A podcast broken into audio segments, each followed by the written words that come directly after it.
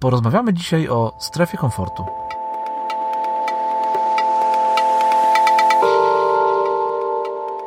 Cześć Piotrek. Cześć Grzegorz.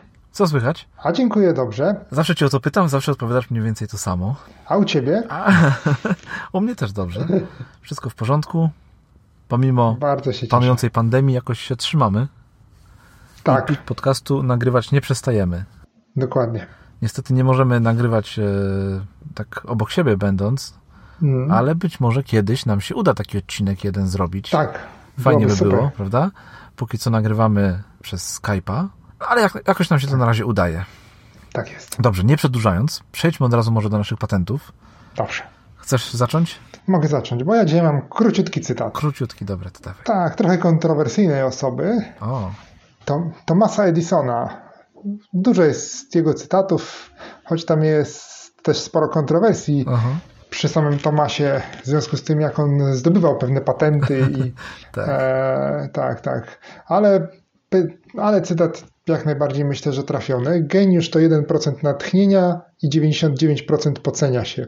Tak, i bardzo mi się podoba taka tak. idea. Tak, to jest taka bardzo prawdziwa, bo my tam tych pomysłów możemy mieć masę, ale tak naprawdę póki nie zaczniemy nic z nimi robić, to one będą tylko pomysłami, jakimiś ideami, marzeniami, e, celami wypisanymi nawet na kartce, ale nadal to tylko będą e, pewne takie nieuchwytne rzeczy. I dopóki nie zaczniemy właśnie się pocić, pracować, e, mierzyć z tym, no to tak naprawdę no to, to tylko jest w sferze gdzieś tam takiej nie, niematerialnej, nieuchwytnej i, i to nie ma nie ma znaczenia, bo to się nie, nie ziści, póki nie zaczniemy pracować nad tym. Tak, ale to, jest, to, to zdanie mówi o wiele, wiele więcej. Ono mówi, że wszystko w życiu zależy od nas. Właściwie większość, tak? tak? To 99% tak. zależy od nas, a tylko 1% to jest gdzieś tam coś innego. Ale wszystko w naszych rękach, więc, więc bardzo mi się to podoba. I mój tak, patent. Trzeba ruszyć. Trzeba mhm. ruszyć, właśnie, a mój patent jest bardzo tak. z tym powiązany, tak naprawdę, bo chciałbym Cię zachęcić, żebyś sobie zaplanował swoją wielką podróż dookoła świata, o. czy gdzieś, nie wiem, do Afryki, do Japonii, gdzie sobie tylko zamarzysz, żebyś sobie ją usiadł, zaplanował. Kto wie, może kiedyś ten plan Ci się przyda, a jak będziesz go miał już zapisanego, co jest, y, wiadomo, jednym z kroków ustalania celów y, według metody SMART, być może będzie prościej Ci taki cel osiągnąć, Tobie i naszym słuchaczom. A to zdradzę Ci, to jest super pomysł i jestem jego powiem Ci tak, jestem jego zwolennikiem. Zdradzę Ci, że mam, ja, mam prawie zaplanowaną już jedną podróż taką, z takich podróży przez duże P i to jest podróż do Australii. E, I w tym roku ją sobie planowałem w, czasach, w czasie pandemii. E, co bym chciał odwiedzić w Australii, jakie miejsce? Jakaś, ta Australia dla mnie jest takim magicznym miejscem, e, które chciałbym zobaczyć. I, I mam właśnie zaplanowane, co bym chciał w tej Australii zobaczyć. Wiem, jak bym to chciał zobaczyć, bo chciałbym to zobaczyć z okien kampera. Wspaniale. Tak, tylko i teraz jeszcze jest do doszlifowania tak naprawdę trasa, no bo Australię wydaje mi się to, jak patrzę sobie na to, na to odległości, bo to jest olbrzymi kraj, olbrzymi kontynent i żeby nie gnać, a zobaczyć coś, to, to taki, myśleliśmy, myślę o miesiącu, że po prostu to będzie miesięczna podróż gdzie, gdzie zniknę na miesiąc, więc trzeba będzie na zapas nagrać tak, odcinków tak, co podcastu. Cztery. Tak, tak, i więc e, to jest taki, taki mój plan e, miesięczny to i tak nie obejmie całej Australii, przypuszczam, tylko jakiś tam wycinek, bo jednak to jest okazuje się bardzo ciekawy kraj z taką e, z masą rzeczy, które warto zobaczyć. Właśnie, jak najbardziej trzeba mieć taki plan swojej ukochanej podróży, żeby kiedyś, jak przyjdzie moment, że będziemy mogli ją zrealizować, żebyśmy wiedzieli już czego chcemy. Więc jak najbardziej, ja też mam swój plan wielkiej podróży, którą planuję, podróży przez Stany Zjednoczone. O, I też podobnie też e, będzie to podróż, e, mam nadzieję, kamperem, czy, czy takim powiedzmy mhm. dużym samochodem, czymś w tym rodzaju. I, I, też sobie taką planuję.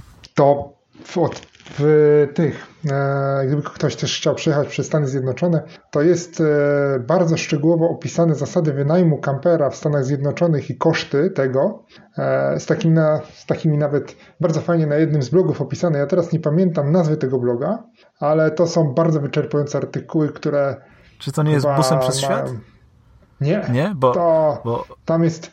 Jejku, tam są dwa długie artykuły. Bo oni ostatnio wydali książkę właśnie o podróży do USA też. Jeszcze tej książki nie mam, ale planuję się w nią zaopatrzyć. To, to tam właśnie, e, jak ja to drukowałem, to mi wyszło chyba 20 stron opisu tego, jak jest, jakie rzeczy są ważne w kamperze, e, e, jakie wskaźniki i tak dalej, ile czego zabrać, kiedy tankować, kiedy zrzucać, e, odpowiednie zbiorniki e, z tymi nieczystościami, jak wy, gdzie, gdzie kempingować, jakie markety pozwalają na kempingi, jakie nie, jakie są kruczki w umowach, na co zwrócić uwagę. Naprawdę e, super sprawa.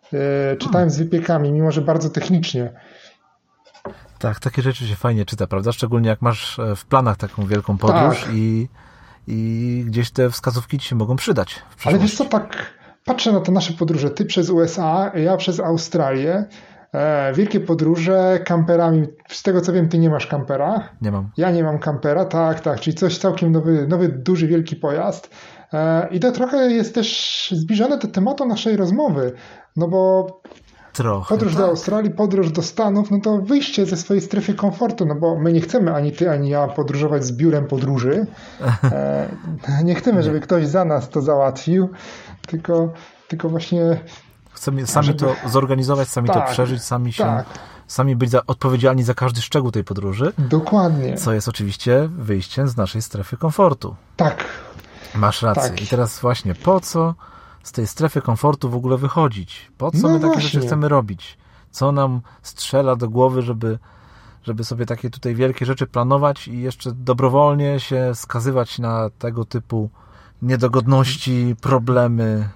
Tak sobie powiem, ci pomyślałem, że na te pytanie właśnie, czy najpierw może warto postawić pytanie, czy muszę wychodzić z tej strefy komfortu. No właśnie, pamiętam, e, chyba wspominałem o, o, tym w ostatnim odcinku, że gdy tworzyliśmy sobie taką listę tematów, mhm. E, o których chcielibyśmy porozmawiać w PIK Podcaście, jeszcze przed nagraniem pierwszego odcinka, to ty napisałeś tam właśnie taki temat, czy musimy wychodzić ze strefy komfortu. Tak.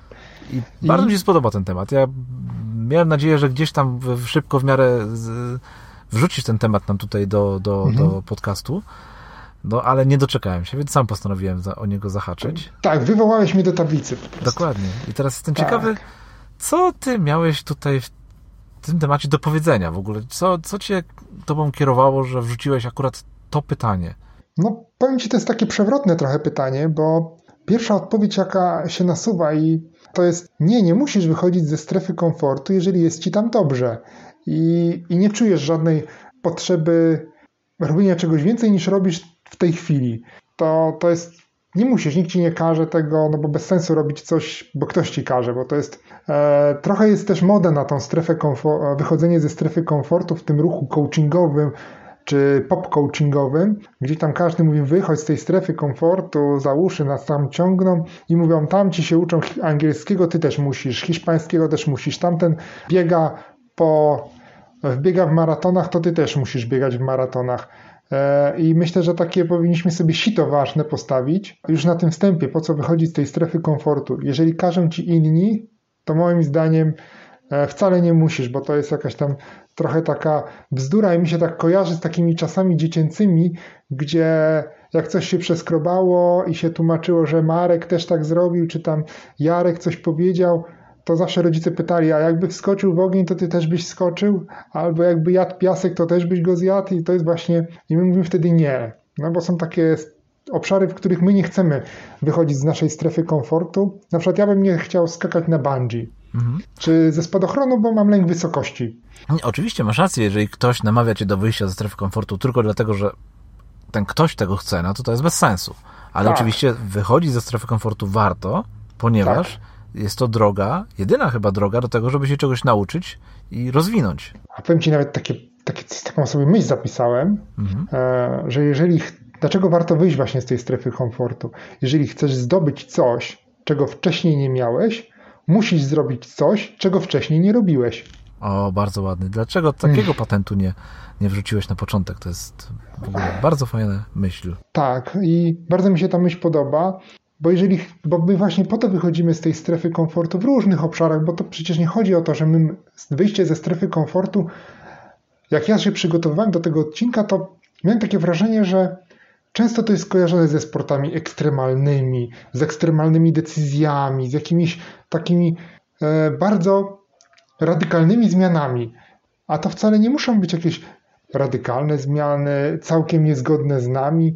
To, to może być coś, co nas rozwija, tak jak ty mówisz, coś, co daje nam e, napęd. Jeżeli uczę się angielskiego, to może być wyjściem ze strefy komfortu rozpoczęcie konwersacji z native speakerem. Będzie pewna obawa, czy ja sobie poradzę, czy go zrozumiem na przykład, czy jestem na to gotowy i tak dalej. Jak nigdy wcześniej tego nie robiliśmy. E, czy na przykład podróżujemy i na przykład taka podróż do, lubimy podróżować, ale podróż do Australii czy Stanów Zjednoczonych to już jest takie większe wyzwanie, bo to jest, bo to jest jednak, e, wymaga od nas nabycia nowych umiejętności czy zdobycia wiedzy, której obecnie jeszcze nie mamy. Mhm. Ja też myślę, że jak już mówimy o wyjściu ze strefy komfortu, to może warto sobie powiedzieć, gdzie my z tej strefy komfortu wychodzimy. Tak. No bo tak naprawdę są trzy strefy. Są trzy strefy. Najmniejsza strefa, mhm. strefa naszego komfortu, Druga strefa, która jest y, jakby takim kółeczkiem, jeżeli strefa komfortu jest kółeczkiem, no to y, ta druga strefa y, jest naokoło tej strefy i jest to strefa uczenia się. Tak. I trzecia strefa, największa, która też zawiera te dwie pozostałe, to jest strefa paniki. I teraz, mając te trzy strefy, my sobie siedzimy spokojnie w tej naszej strefie komfortu. I jeżeli chcemy się czegoś nauczyć, to musimy z tej strefy wyjść. I teraz, jeżeli mhm. wyjdziemy za daleko, wyjdziemy do strefy przez strefę uczenia się aż do strefy paniki, czyli zrobimy za duży krok, no to wtedy ta nasza strefa komfortu zaczyna się kurczyć. My do niej szybko wracamy, z tej strefy paniki wracamy do naszej strefy komfortu i tą naszą strefę komfortu jednocześnie kurczymy. Natomiast jeżeli ze strefy komfortu małymi kroczkami wychodzimy do strefy uczenia się, to ta nasza strefa komfortu się poszerza. Tak, I to się nazywa właśnie nauka. Natomiast jeżeli, tak jak mówiłem, skoczymy do tej strefy paniki i tutaj zrobimy za duży krok i będziemy musieli się cofnąć, no to wtedy jest no, przeciwieństwo uczenia się, no bo my się blokujemy na nie tylko na nowe rzeczy, ale na niektóre z tych rzeczy, które do tej pory jakby nie były dla nas takie straszne. Więc to jest Dokładnie. też ważne. To jest też ważne i to tak jak powiedziałeś na początku, że wymagania, które ktoś przed nami stawia i na przykład ktoś oczekuje od nas wyjścia z tej strefy komfortu, no to jeżeli ktoś od nas oczekuje zrobienia jakiegoś kroku i dla tej osoby, która oczekuje, jest to wyjście do strefy E, uczenia się wcale nie oznacza, że dla tej osoby, która ma to zrobić, nie będzie to już strefa paniki. Dokładnie. I dlatego to jest tutaj takie groźne, że żeby właśnie nie realizować czyichś celów i mhm. czyichś wymagań, no bo przez to nie tylko się nie rozwiniemy, ale wręcz przeciwnie się ta nasza strefa komfortu może jeszcze skurczyć. Tak. Chociaż czasami, tak, bo to może podsumujmy, podsumuję, to myślę tak jak ty właśnie, że e, nie chodzi o to, żeby tą strefę komfortu opuszczać, tylko tak naprawdę, żeby ją poszerzać. Dokładnie, dokładnie. Tak, tak bo to jest ta nauka, bo tak, jak jesteśmy uczyć... w strefie uczenia się, no to my się uczymy, ale żeby się nauczyć, to musimy tą strefę komfortu naszą poszerzyć i do niej wrócić, do tej poszerzonej strefy już nauczeni tak, o te nowe rzeczy. Dokładnie. I też będziemy się dalej czuli w tej strefie komfortowo, no bo poszerzonej już i znowu możemy się czegoś nauczyć i tak jak ty to mówiłeś i tak dalej. I myślę, że są takie jeszcze dwie, dwie sytuacje, kiedy my opuszczamy w ogóle strefę komfortu. Świadomie to, o której e, tutaj cały czas mówimy, gdzie sami podejmujemy te decyzje, ale też są sytuacje, za które ktoś, ktoś decyduje o tym naszym wyjściu ze strefy komfortu. I myślę tu o takich zdarzeniach losowych bardziej, gdzie na przykład musimy się zmierzyć z chorobą, zwolnieniem z pracy, e, jakimś zgubieniem na przykład portfela czy dokumentów, e, awarią samochodu, pralki czy jakiegoś innego urządzenia. Ojej, same nieszczęścia. Tak, no bo to są zazwyczaj takie czynniki zewnętrzne, mhm. wydaje mi się, są takie nieszczęśliwe i, e, i wtedy musimy, i wtedy wpadamy od razu w tą strefę może nie tyle uczenia, nawet to znam czasami w paniki.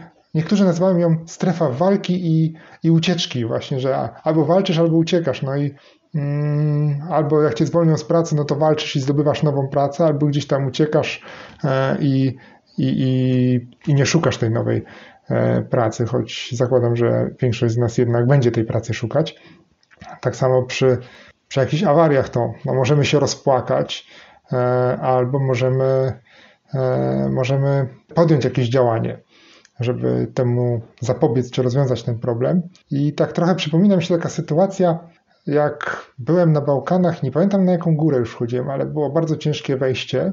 Nie była to wysoka góra, była strasznie kamienista, tam były wielkie kamienie i e, po tych kamieniach się wchodziło i tam długo wchodziliśmy z żoną, weszliśmy na górę, widok przepiękny, temperatura tam w okolicach 40 stopni, bo to był Tak, lipiec, sierpień i na górze był chłopak z dziewczyną. Ta dziewczyna tam weszła i, i zaczęła płakać. Wpadła w panikę, że ona nie zejdzie już z tej góry. Tak, i, y, i, i tam oskarżała tego chłopaka, że to jest jego wina, że on ją tu przyprowadził. I, i właśnie ona gdzieś tam znalazła się w tej strefie walki i ucieczki. Możliwe, że niepotrzebnie się właśnie wybrali tak daleko, czy tam na taką wyprawę dość trudną. Hmm. Właśnie chodzi o to, żeby w tej strefie rozwoju pozostać mimo wszystko na początek. Nawet jak tak, że to, był, to, był za duży, to był po prostu dla niej za duży krok mhm. i faktycznie nie była na to gotowa być może. Tak.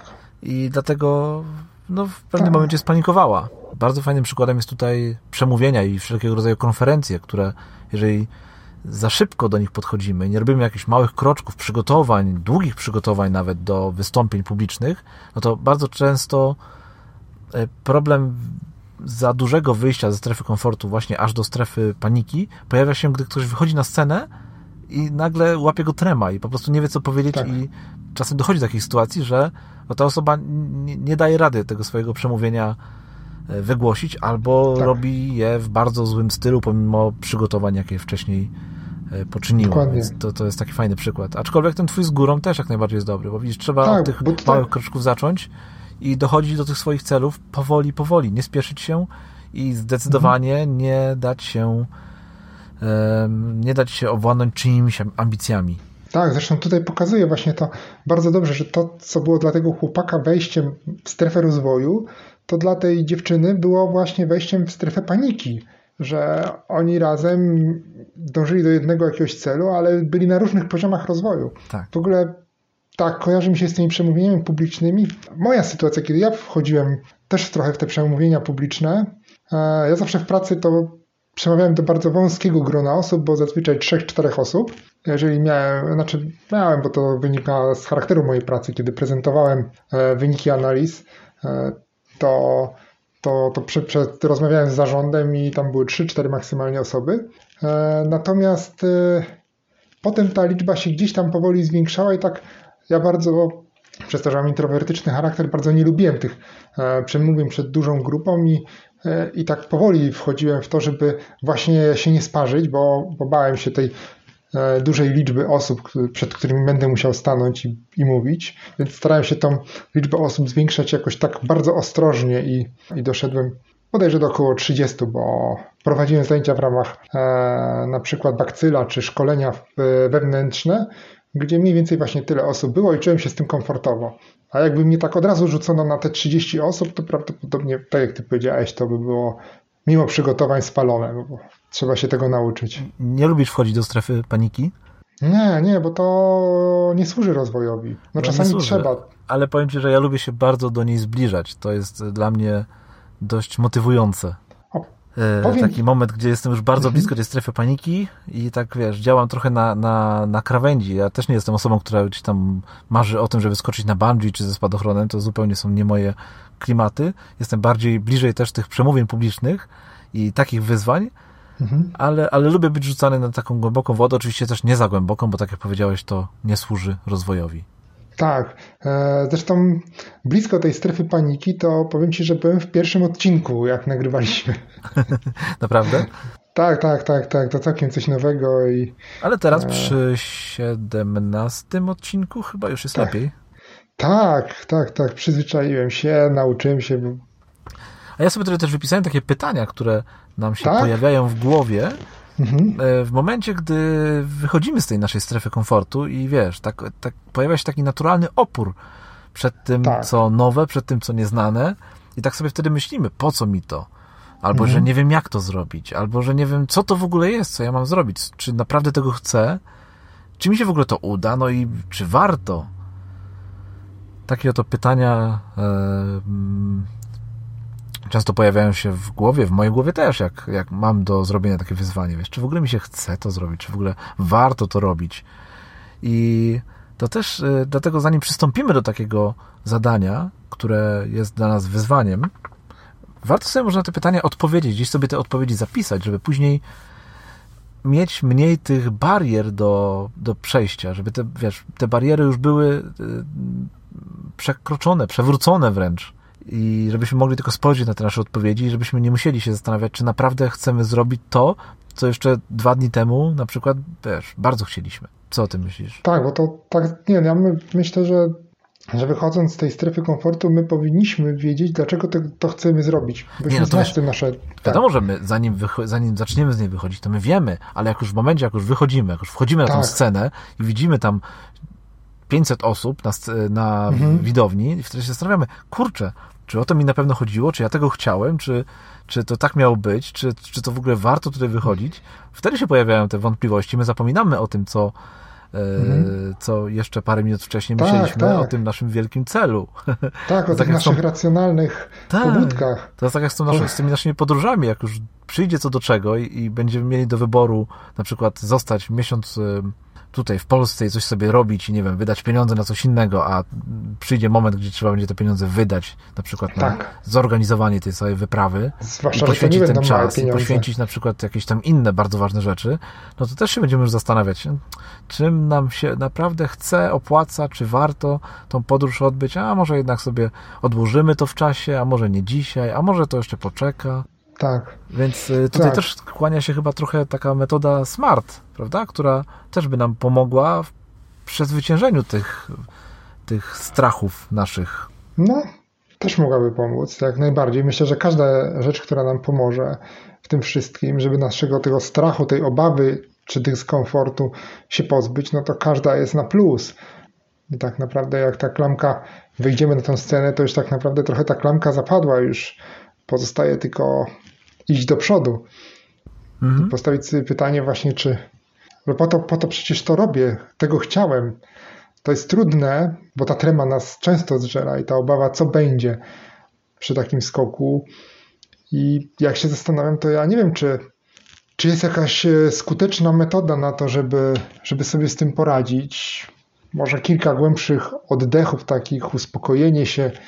Ja na przykład e, często tak robię taką pauzę i tak taki robię głęboki oddech i wydech i mówię, no to wchodzimy w to. tak. Tak, tak jakbym nurkował pod wodę. Tak, a wiesz co, ja sobie też myślę, że może, no bo jak już jesteśmy w tym momencie, gdzie musimy zrobić ten ostatni krok, wyjść na scenę i przemówić do tej naszej, nauczyć się wychodzić z tej strefy komfortu. No bo to też nie jest takie proste, jeżeli siedzimy sobie w tej naszej strefie i jest nam tam bardzo tak. dobrze, bardzo fajnie, no to jak mhm. tutaj się przygotować do tego, żeby w ogóle myśleć o tym, że na przykład za miesiąc czy za dwa się z tej strefy naszej wymiksujemy i przejdziemy do strefy uczenia się. A na przykład sobie pomyślałem, że, że tutaj dobrym, dobrym narzędziem będą książki, na przykład poradniki, które zawsze cię będą, wiesz, zawsze, ja lubię takie inspiracje, ty, ty wiem, że jesteś hmm. może trochę przeciwnikiem takiego coachowania, ja bardzo lubię takie karmienie się e, takimi fajnymi ideami, inspirowanie, właśnie te inspiracje eee. czerpią, e, czerpane z książek. Bardzo to lubię, więc to mhm. jest naprawdę według mnie takie fajne narzędzie do, do uczenia się wyjścia, wychodzenia ze strefy komfortu. To na pewno. Zwłaszcza czytanie, myślę, o osobach, czy słuchanie osób, które też poradziły sobie z tym samym wyzwaniem, bo to jest ważne, że szukamy kogoś, kto poradził sobie z takim wyzwaniem, z którym my mamy się mierzyć i zobaczenie, jak to zrobił. Nie chodzi o to, żeby skopiować go toczka w toczkę, dokładnie zrobić to samo, co on, no bo jesteśmy innymi ludźmi i inaczej reagujemy, ale zobaczyć, e, zobaczyć, że ktoś mierzył się z podobnymi problemami jak my. To myślę o tej motywacyjnej stronie książek. Tak, tak. A powiedz mi, jaką książkę ostatnio przeczytałeś? Fajną. Tak przy okazji. Jejku, ale mnie teraz pustka mi się w głowie po, pojawiła. Bo teraz myślę, myślę, a mam tutaj półkę, to. Zobacz, rzuć jakiś tytuł Sięgnę. fajny. Tak, tak. Głodni czasu. Laura Vanderkam. Głodni czasu. O, opowiedz trochę. Nie znam tak, tej książki. Jest, nie znam tej nie znasz, to jest książka, w której e, Laura jest specjalistka od zarządzania czasem ona opowiada o tym, jak sobie poukładać tydzień, żeby mieć czas na to, na czym nam najbardziej zależy. To jest książka, w którym nie znajdziemy takich prost, takich technik, gdzie tam takiego czegoś, co często ja szukam w książkach, czy szukałem, bo może teraz już mniej szukam, ale ona opowiada właśnie dużo przykładów ludzi, którzy e, mierzyli się z różnymi, to z, różnymi takimi wyzwaniami związanymi z pracą, opieką nad dziećmi i że w tym wszystkim potrafili znaleźć czas też na swoje takie aktywności, na których im zależało. Zachęca do prowadzenia dzienników czasu, czyli sprawdzania, na co przeznaczamy ten czas i dbania, żeby tam się nie znalazły rzeczy e, niepożądane przez nas, takie, które nam ten czas po prostu kradną. To jest tak częściowo, no jest to książka, która odnosi się mocno do amerykańskiego rynku, bo tam ten tydzień pracy, gdzie ona pisze, że e, zazwyczaj pracujemy 10-12 godzin, e, na dojazdy poświęcamy na przykład 2 godziny, e, gdzieś tam trochę odbiega może od polskich realiów, aczkolwiek myślę, że tutaj można znaleźć masę takich inspirujących historii, które które też mogą nas wesprzeć w, poszukiwa w poszukiwaniu czasu, jeżeli mamy jakieś marzenia, cele i chcemy je zrealizować. Czyli taka typowa książka, o której właśnie mówiliśmy, tak? Tak. To ja powiem Ci o mojej, która jest bardzo chyba podobna do Twojej, a jest to jedna rzecz, y, Garego Kolera. Mhm. No jak sama nazwa wskazuje, tytuł wskazuje, no jest to zachęcanie do tego, żebyś robił tą jedną rzecz, na której Ci w życiu zależy. I w ogóle ta książka, jestem teraz już na samym koniuszku tej książki, zostały mi dwa ostatnie rozdziały.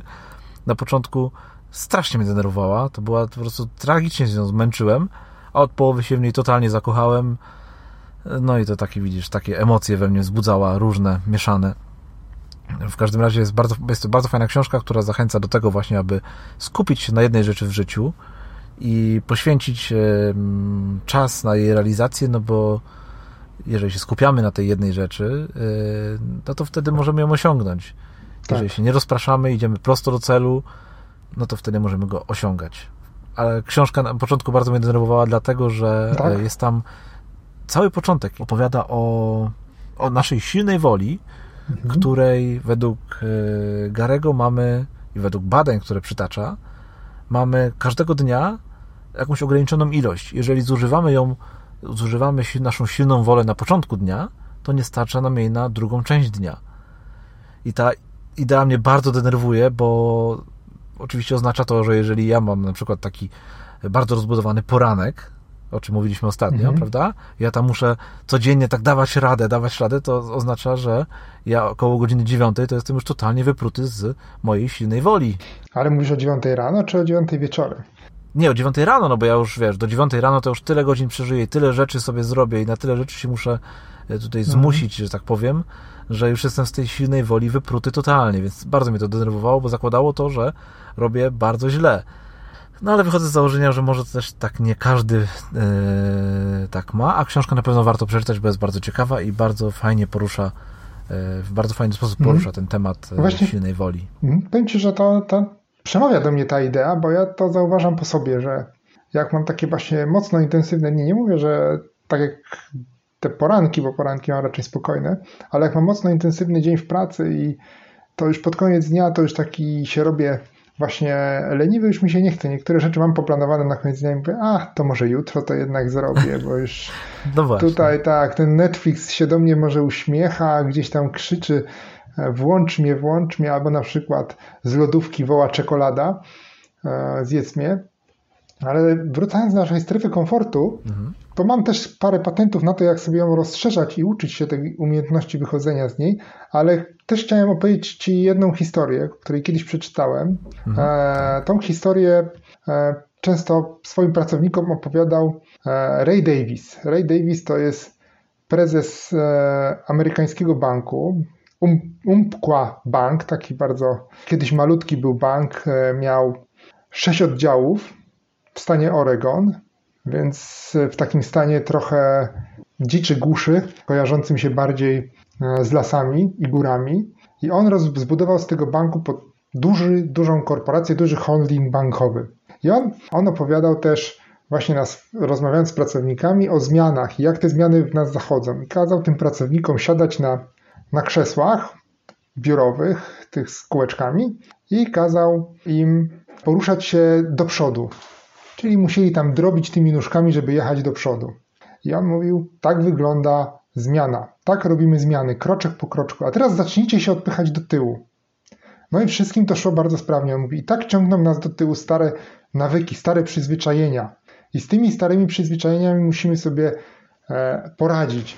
Czyli musimy drobić do przodu i nie dać się ściągnąć. To była tak, on to nazywał często taką gumą przyczepioną do pleców, która nas ciągnie do tych naszych starych nawyków, wciąga nas do tej strefy komfortu, gdzie nam było dobrze. I też Muszę właśnie... przyznać, że jesteś skarbnicą takich historyjek. Dzięki ci bardzo. Zawsze na każdą okazję masz przygotowaną taką historyjkę, tak, która... Tak, jedna tam się widzisz, trafiła taka historyjka ciekawa. Bardzo fajnie, bardzo dobrze. Tak. To, to w ogóle ten bank to jest niesamowita historia. Myślę, że może kiedyś nawet o nim zrobimy odcinek. O banku? Tak, o banku, bo to jest fajna historia, jak mały, za przeproszeniem, zapyziały bank stał się najwspanialszym, oni nazywają się najwspanialszym bankiem na świecie. Mają takie hasło. Bardzo słusznie. Tak, najwspanialszy bank na świecie. Wymyślił je jeden z pracowników i wywiesił taki transparent nad swoim oddziałem. Jak prezes zobaczył, to powiedział, tak, jesteśmy najwspanialszym bankiem na świecie. Mimo, że nie byli, byli do kitu wtedy. Ale on mówi, musimy mieć coś motywującego, coś, co nas motywuje do tego, żebyśmy my nie byli tacy, czyli wyjść, żebyśmy wyszli z tej naszej strefy komfortu.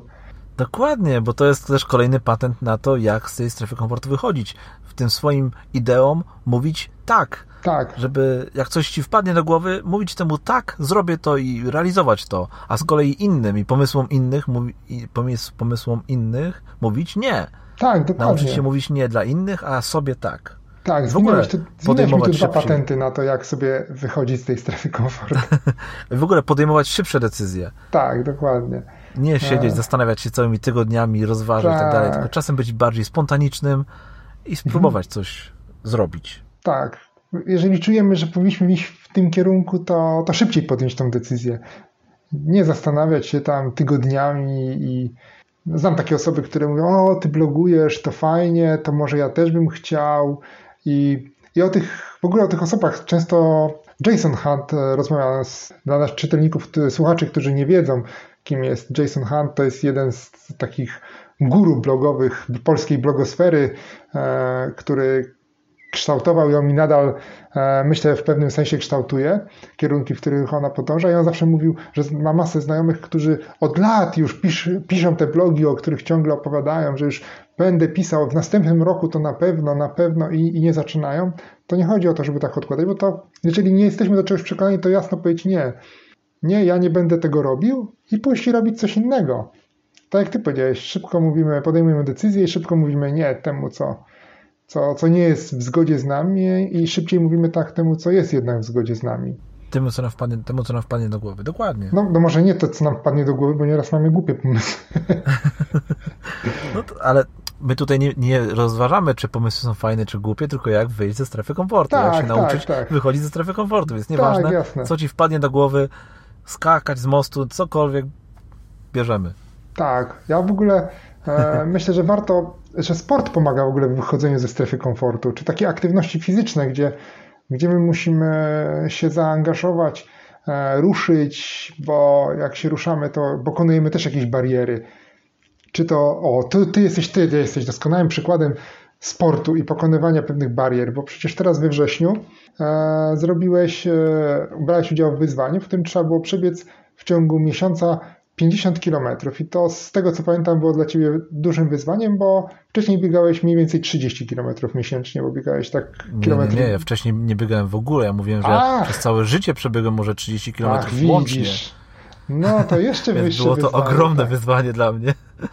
Tak, tak. I, I to pokazuje, że ten sport też nas tak e, zachęca. No, trzeba wybrać sport pod siebie. To może być jazda rowerem, to może być bieganie, to może być jak gimnastyka, to może być jeszcze jakieś mm, pływanie. To, to jest kwestia jazda na rolkach. Bo to nie ma być sport, który jest nie w zgodzie z nami, tylko ma być zgodny z nami. Tak, sport jest bardzo fajnym przykładem tutaj i a propos tego, co powiedziałeś, a propos biegania, to mhm. dzisiaj miałem taką fajną rozmowę z żoną, bo ja dalej biegam, pomimo tego, że już jest październik, Super. ja nie przestałem biegać, biegam coraz więcej. I, I dzisiaj właśnie tak żonie mówiłem rano, że słuchaj, wiesz co, dzisiaj tak pobiegłem sobie tam do tego miejsca, co zawsze i tak się dzisiaj nie zatrzymałem, pobiegłem dalej. I to jest taki właśnie fajny moment, że że tak czujesz, że przekroczyłeś tą kolejną strefę, tak. kolejny raz tą strefę komfortu i to możesz robić codziennie, co drugi dzień, co, co tydzień. Sport, masz rację, jest bardzo fajnym tutaj tak.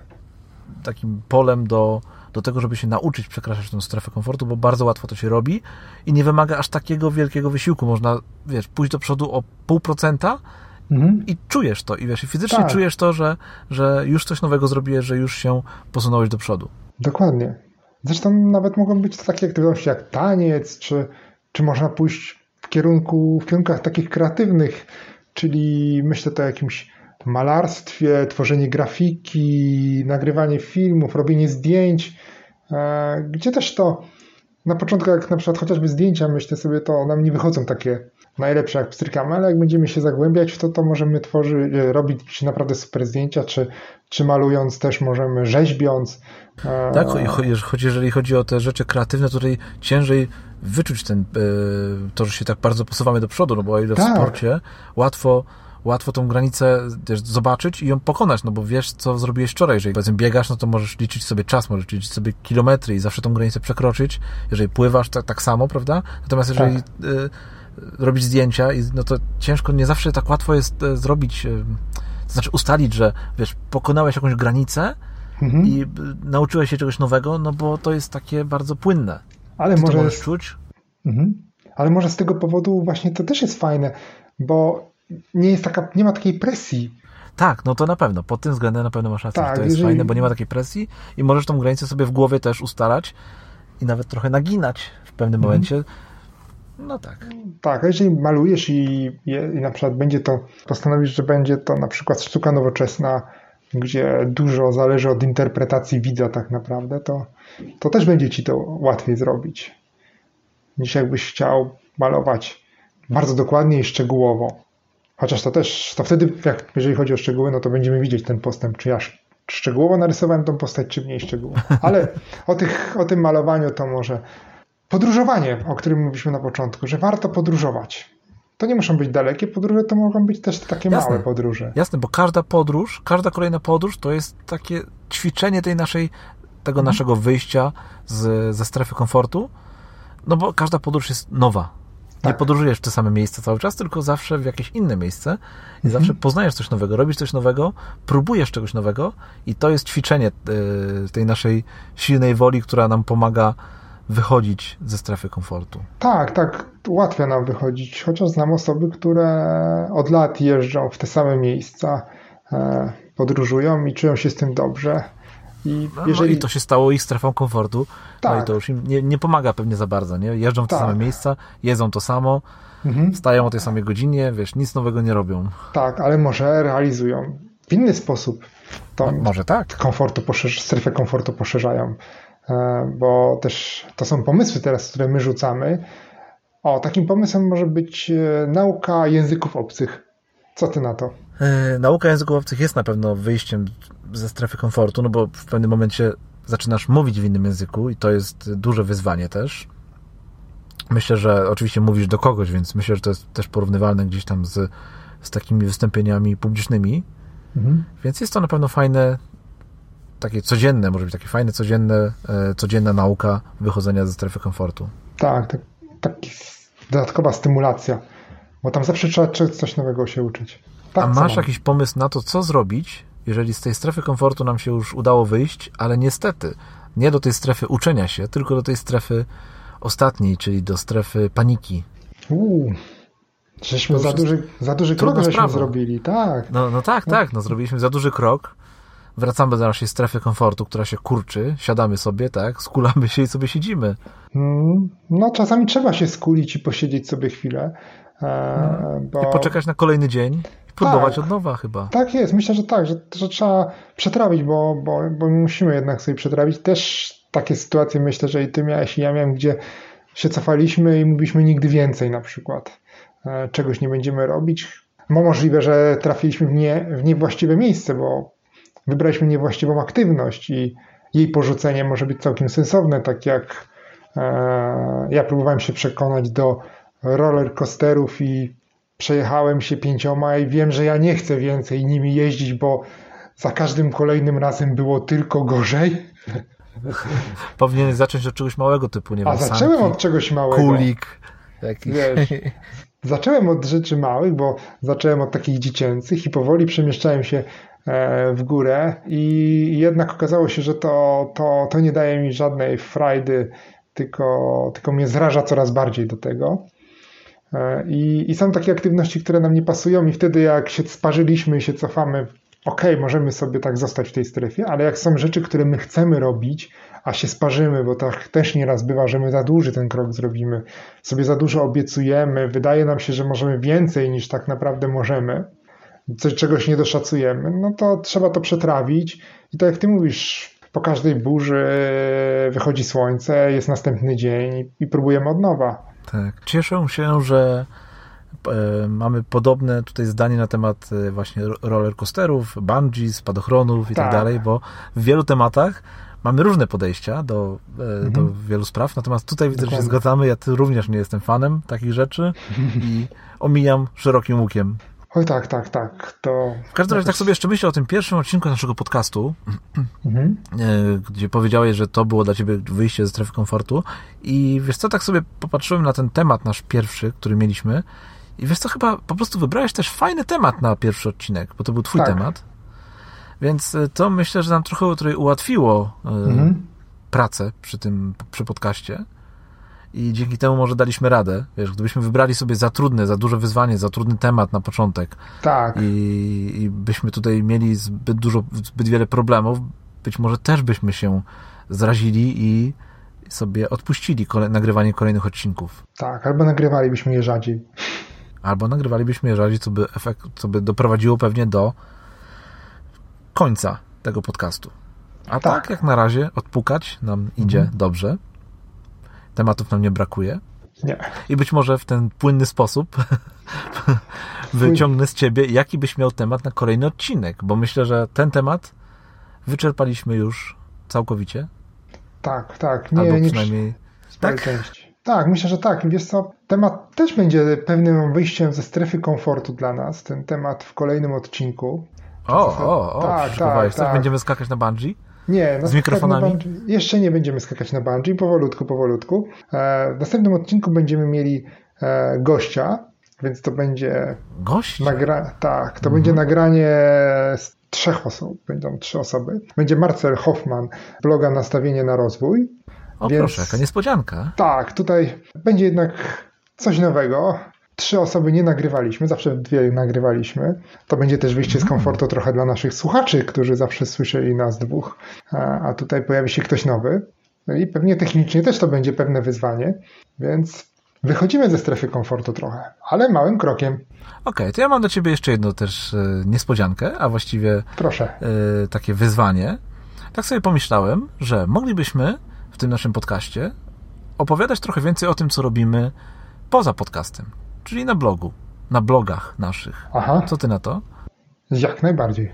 Powiedz, o czym ostatnio napisałeś, czy, czy może mm, czy do czytelników, czy na bloga, czy gdzieś tam wrzuciłeś e, coś ciekawego w media społecznościowe? Pochwal się czymś. Tak, czymś się pochwalić. To powiem Ci, że teraz... Masz coś takiego? Tak, z jednej strony pracuję nad e, pewnymi zmianami na, na blogu. Jak każdy bloger. Tak, ciągle dłubiemy w tym, ciągle w tym dłubiemy i i ciągle, wyda, ciągle mi się wydaje, że można dążyć do pewnej doskonałości. Teraz jest ten czas, kiedy znowu poczułem, że trzeba coś tam zmienić, ale nie dużo. Nie ci, mhm. którzy czytają mojego bloga, nie bójcie się, nie będzie rewolucji, będzie ewolucja małymi krokami. E, pewne usprawnienia się pojawią, łatwiej, e, łatwiejsze wyszukiwanie kategorii czy artykułów e, po tematach, które czytelników najbardziej interesują bo w tej chwili to jest trochę, wydaje mi się, mało intuicyjne, będzie bardziej intuicyjne. A jeżeli chodzi o to, co, co ostatnio napisałem, no to napisałem o bardzo prostej metodzie e, radzenia sobie z nadmiarem zadań, czyli metodzie 4D. I Dobrze. to jest. I, I do tego odsyłasz naszych słuchaczy, tak? Tak. No przecież nie będziemy streszczać artykułu tutaj. Tak, tak, A oczywiście. To może powiedz jeszcze, hmm? poczekaj, powiedz jeszcze, bo rzadko o tym mówimy, jaki jest adres twojego bloga? Jakosiągaćcele.com bez polskich znaków. Super, dobra. I tak, tak sobie pomyślałem, że moglibyśmy częściej mówić o tym, yy, króciutko, o tym, co wrzuciliśmy na bloga, czy co u nas się wydarzyło, być może jakieś fajne rzeczy, może coś wypuściliśmy, coś nagraliśmy innego. Hmm? Tak, tak, róbmy tak i pod koniec zawsze każdego odcinka myślę, że możemy się tym pochwalić. Ja z kolei, e, w nawiązaniu do tego, o czym mówiłeś, o tym, że przebiegłem przez cały wrzesień te 50 kilometrów, to mhm. wysyłałem, zacząłem wysyłać, ponieważ tak działam takimi seriami, więc zacząłem wysyłać teraz taką serię newsletterów, yy, w których właśnie opisuję całe to, całą tą moją przygodę, drogę, yy, to jak mi się to udało, trochę pomarodziłem, trochę yy, myślę też poinspirowałem i trochę też mówię, co, co dalej planuję z tym nawykiem, który udało mi się wyrobić, tak. zrobić. Czytam, czytam twoje newslettery. O, bardzo mi miło, ja twoje również czytam. Moje są bardziej lakoniczne, Grzegorza są takie treściwe, długie e, i ciekawe. Tak, bardzo twoje są bardziej konkretne, narzędziowe. Zupełnie, zupełnie odwrotnie niż w, w podcaście. Twoje są bardziej narzędziowe, e, moje bardziej mhm. chyba takie filozoficzne z emocjami, a w podcaście z kolei tak. wydaje mi się, że odwrotnie mamy. Widzisz, jak to się wszystko fajnie przeplata, widzisz? Tak, tak, to jest niesamowite. No tak. dobrze, dobrze, to dziękuję Ci bardzo za kolejny odcinek. E, ja Cieszę się, że udało nam się przez ten temat przejść. Jestem bardzo tak. ciekawy naszej rozmowy z Marcelem. Zobaczymy, co z tego Będzie wyjdzie. ciekawa. Obiecujesz? Obiecuję, mam tu już przygotowane pytania. Ale poczekaj, poczekaj, ale to powiedz, a powiedz w ogóle, o czym będziemy z Marcelem rozmawiać? No z Marcelem będziemy rozmawiać o co zaplanowałem? Jego sposobie na cele, bo Marcel ma bardzo dużo celów. Pisze o nich na swoim e, blogu i tak jak wszyscy mówią, wszyscy mówią, że mieli tam jeden, maksymalnie trzy cele, no to Marcel ma ich tam ponad 20. Ja jestem bardzo ciekaw, jak on to wszystko ogarnia, jak on sobie z tym radzi. Więc będziemy rozmawiać o tych celach, o jego sposobach na produktywność, na to, jak, jak to garnąć, jak on się motywuje, żeby tyle celów e, łapać. Bo mam wrażenie, że trochę jakby łapał kilka srok za ogon. Jest takie powiedzenie, żeby nie łapać kilku srok za ogon. No to właśnie chcę go zapytać, jak on sobie z tym radzi. Jestem ciekaw. Jak, jak Czyli krótko mówiąc, chcesz się jak, dowiedzieć, jak osiągać cele. Chcesz się dowiedzieć, jak tak, osiągać jak osiągać cele? cele, jak osiągać dużą ilość celów, tak. no bardzo ciekawe. Będziesz miał później o czym pisać na blogu. Tak. Po tej rozmowie. Po tej rozmowie będzie. A na tę rozmowę zapraszamy już nas, naszych słuchaczy za tydzień. Natomiast jeżeli e, chcecie znaleźć notatki do tego odcinka, to zapraszamy Was na pikpodcast.pl ukośnik 017 tak jak 17 odcinek naszego podcastu. I zachęcamy Was oczywiście, jak zawsze, do zostawiania e, komentarzy pod naszymi odcinkami, bo to dzięki tym komentarzom wiemy, że słuchacie, wiemy, że chcecie więcej. E, być może, jeżeli nam powiecie, jakie tematy chcecie, to być może te tematy też zrealizujemy. E, no i zachęcamy Was też do pisania do nas. Tak? Tak. Piszcie, jak macie jakieś pytania poruszymy je podcaście. Bo zbliża się już niedługo 20 odcinek, który będzie naszym znowu odcinkiem podsumowującym. Tak. I w tym 20 odcinku odpowiemy właśnie na Wasze pytania. Tak? Tak. Dokładnie. Dokładnie. Super. To co? Do usłyszenia to i do słyszymy usłyszenia. się za tydzień we trzech. Poszerzonym składzie. Tak jest. Tak jest. Do usłyszenia. Do usłyszenia. Cześć. Cześć.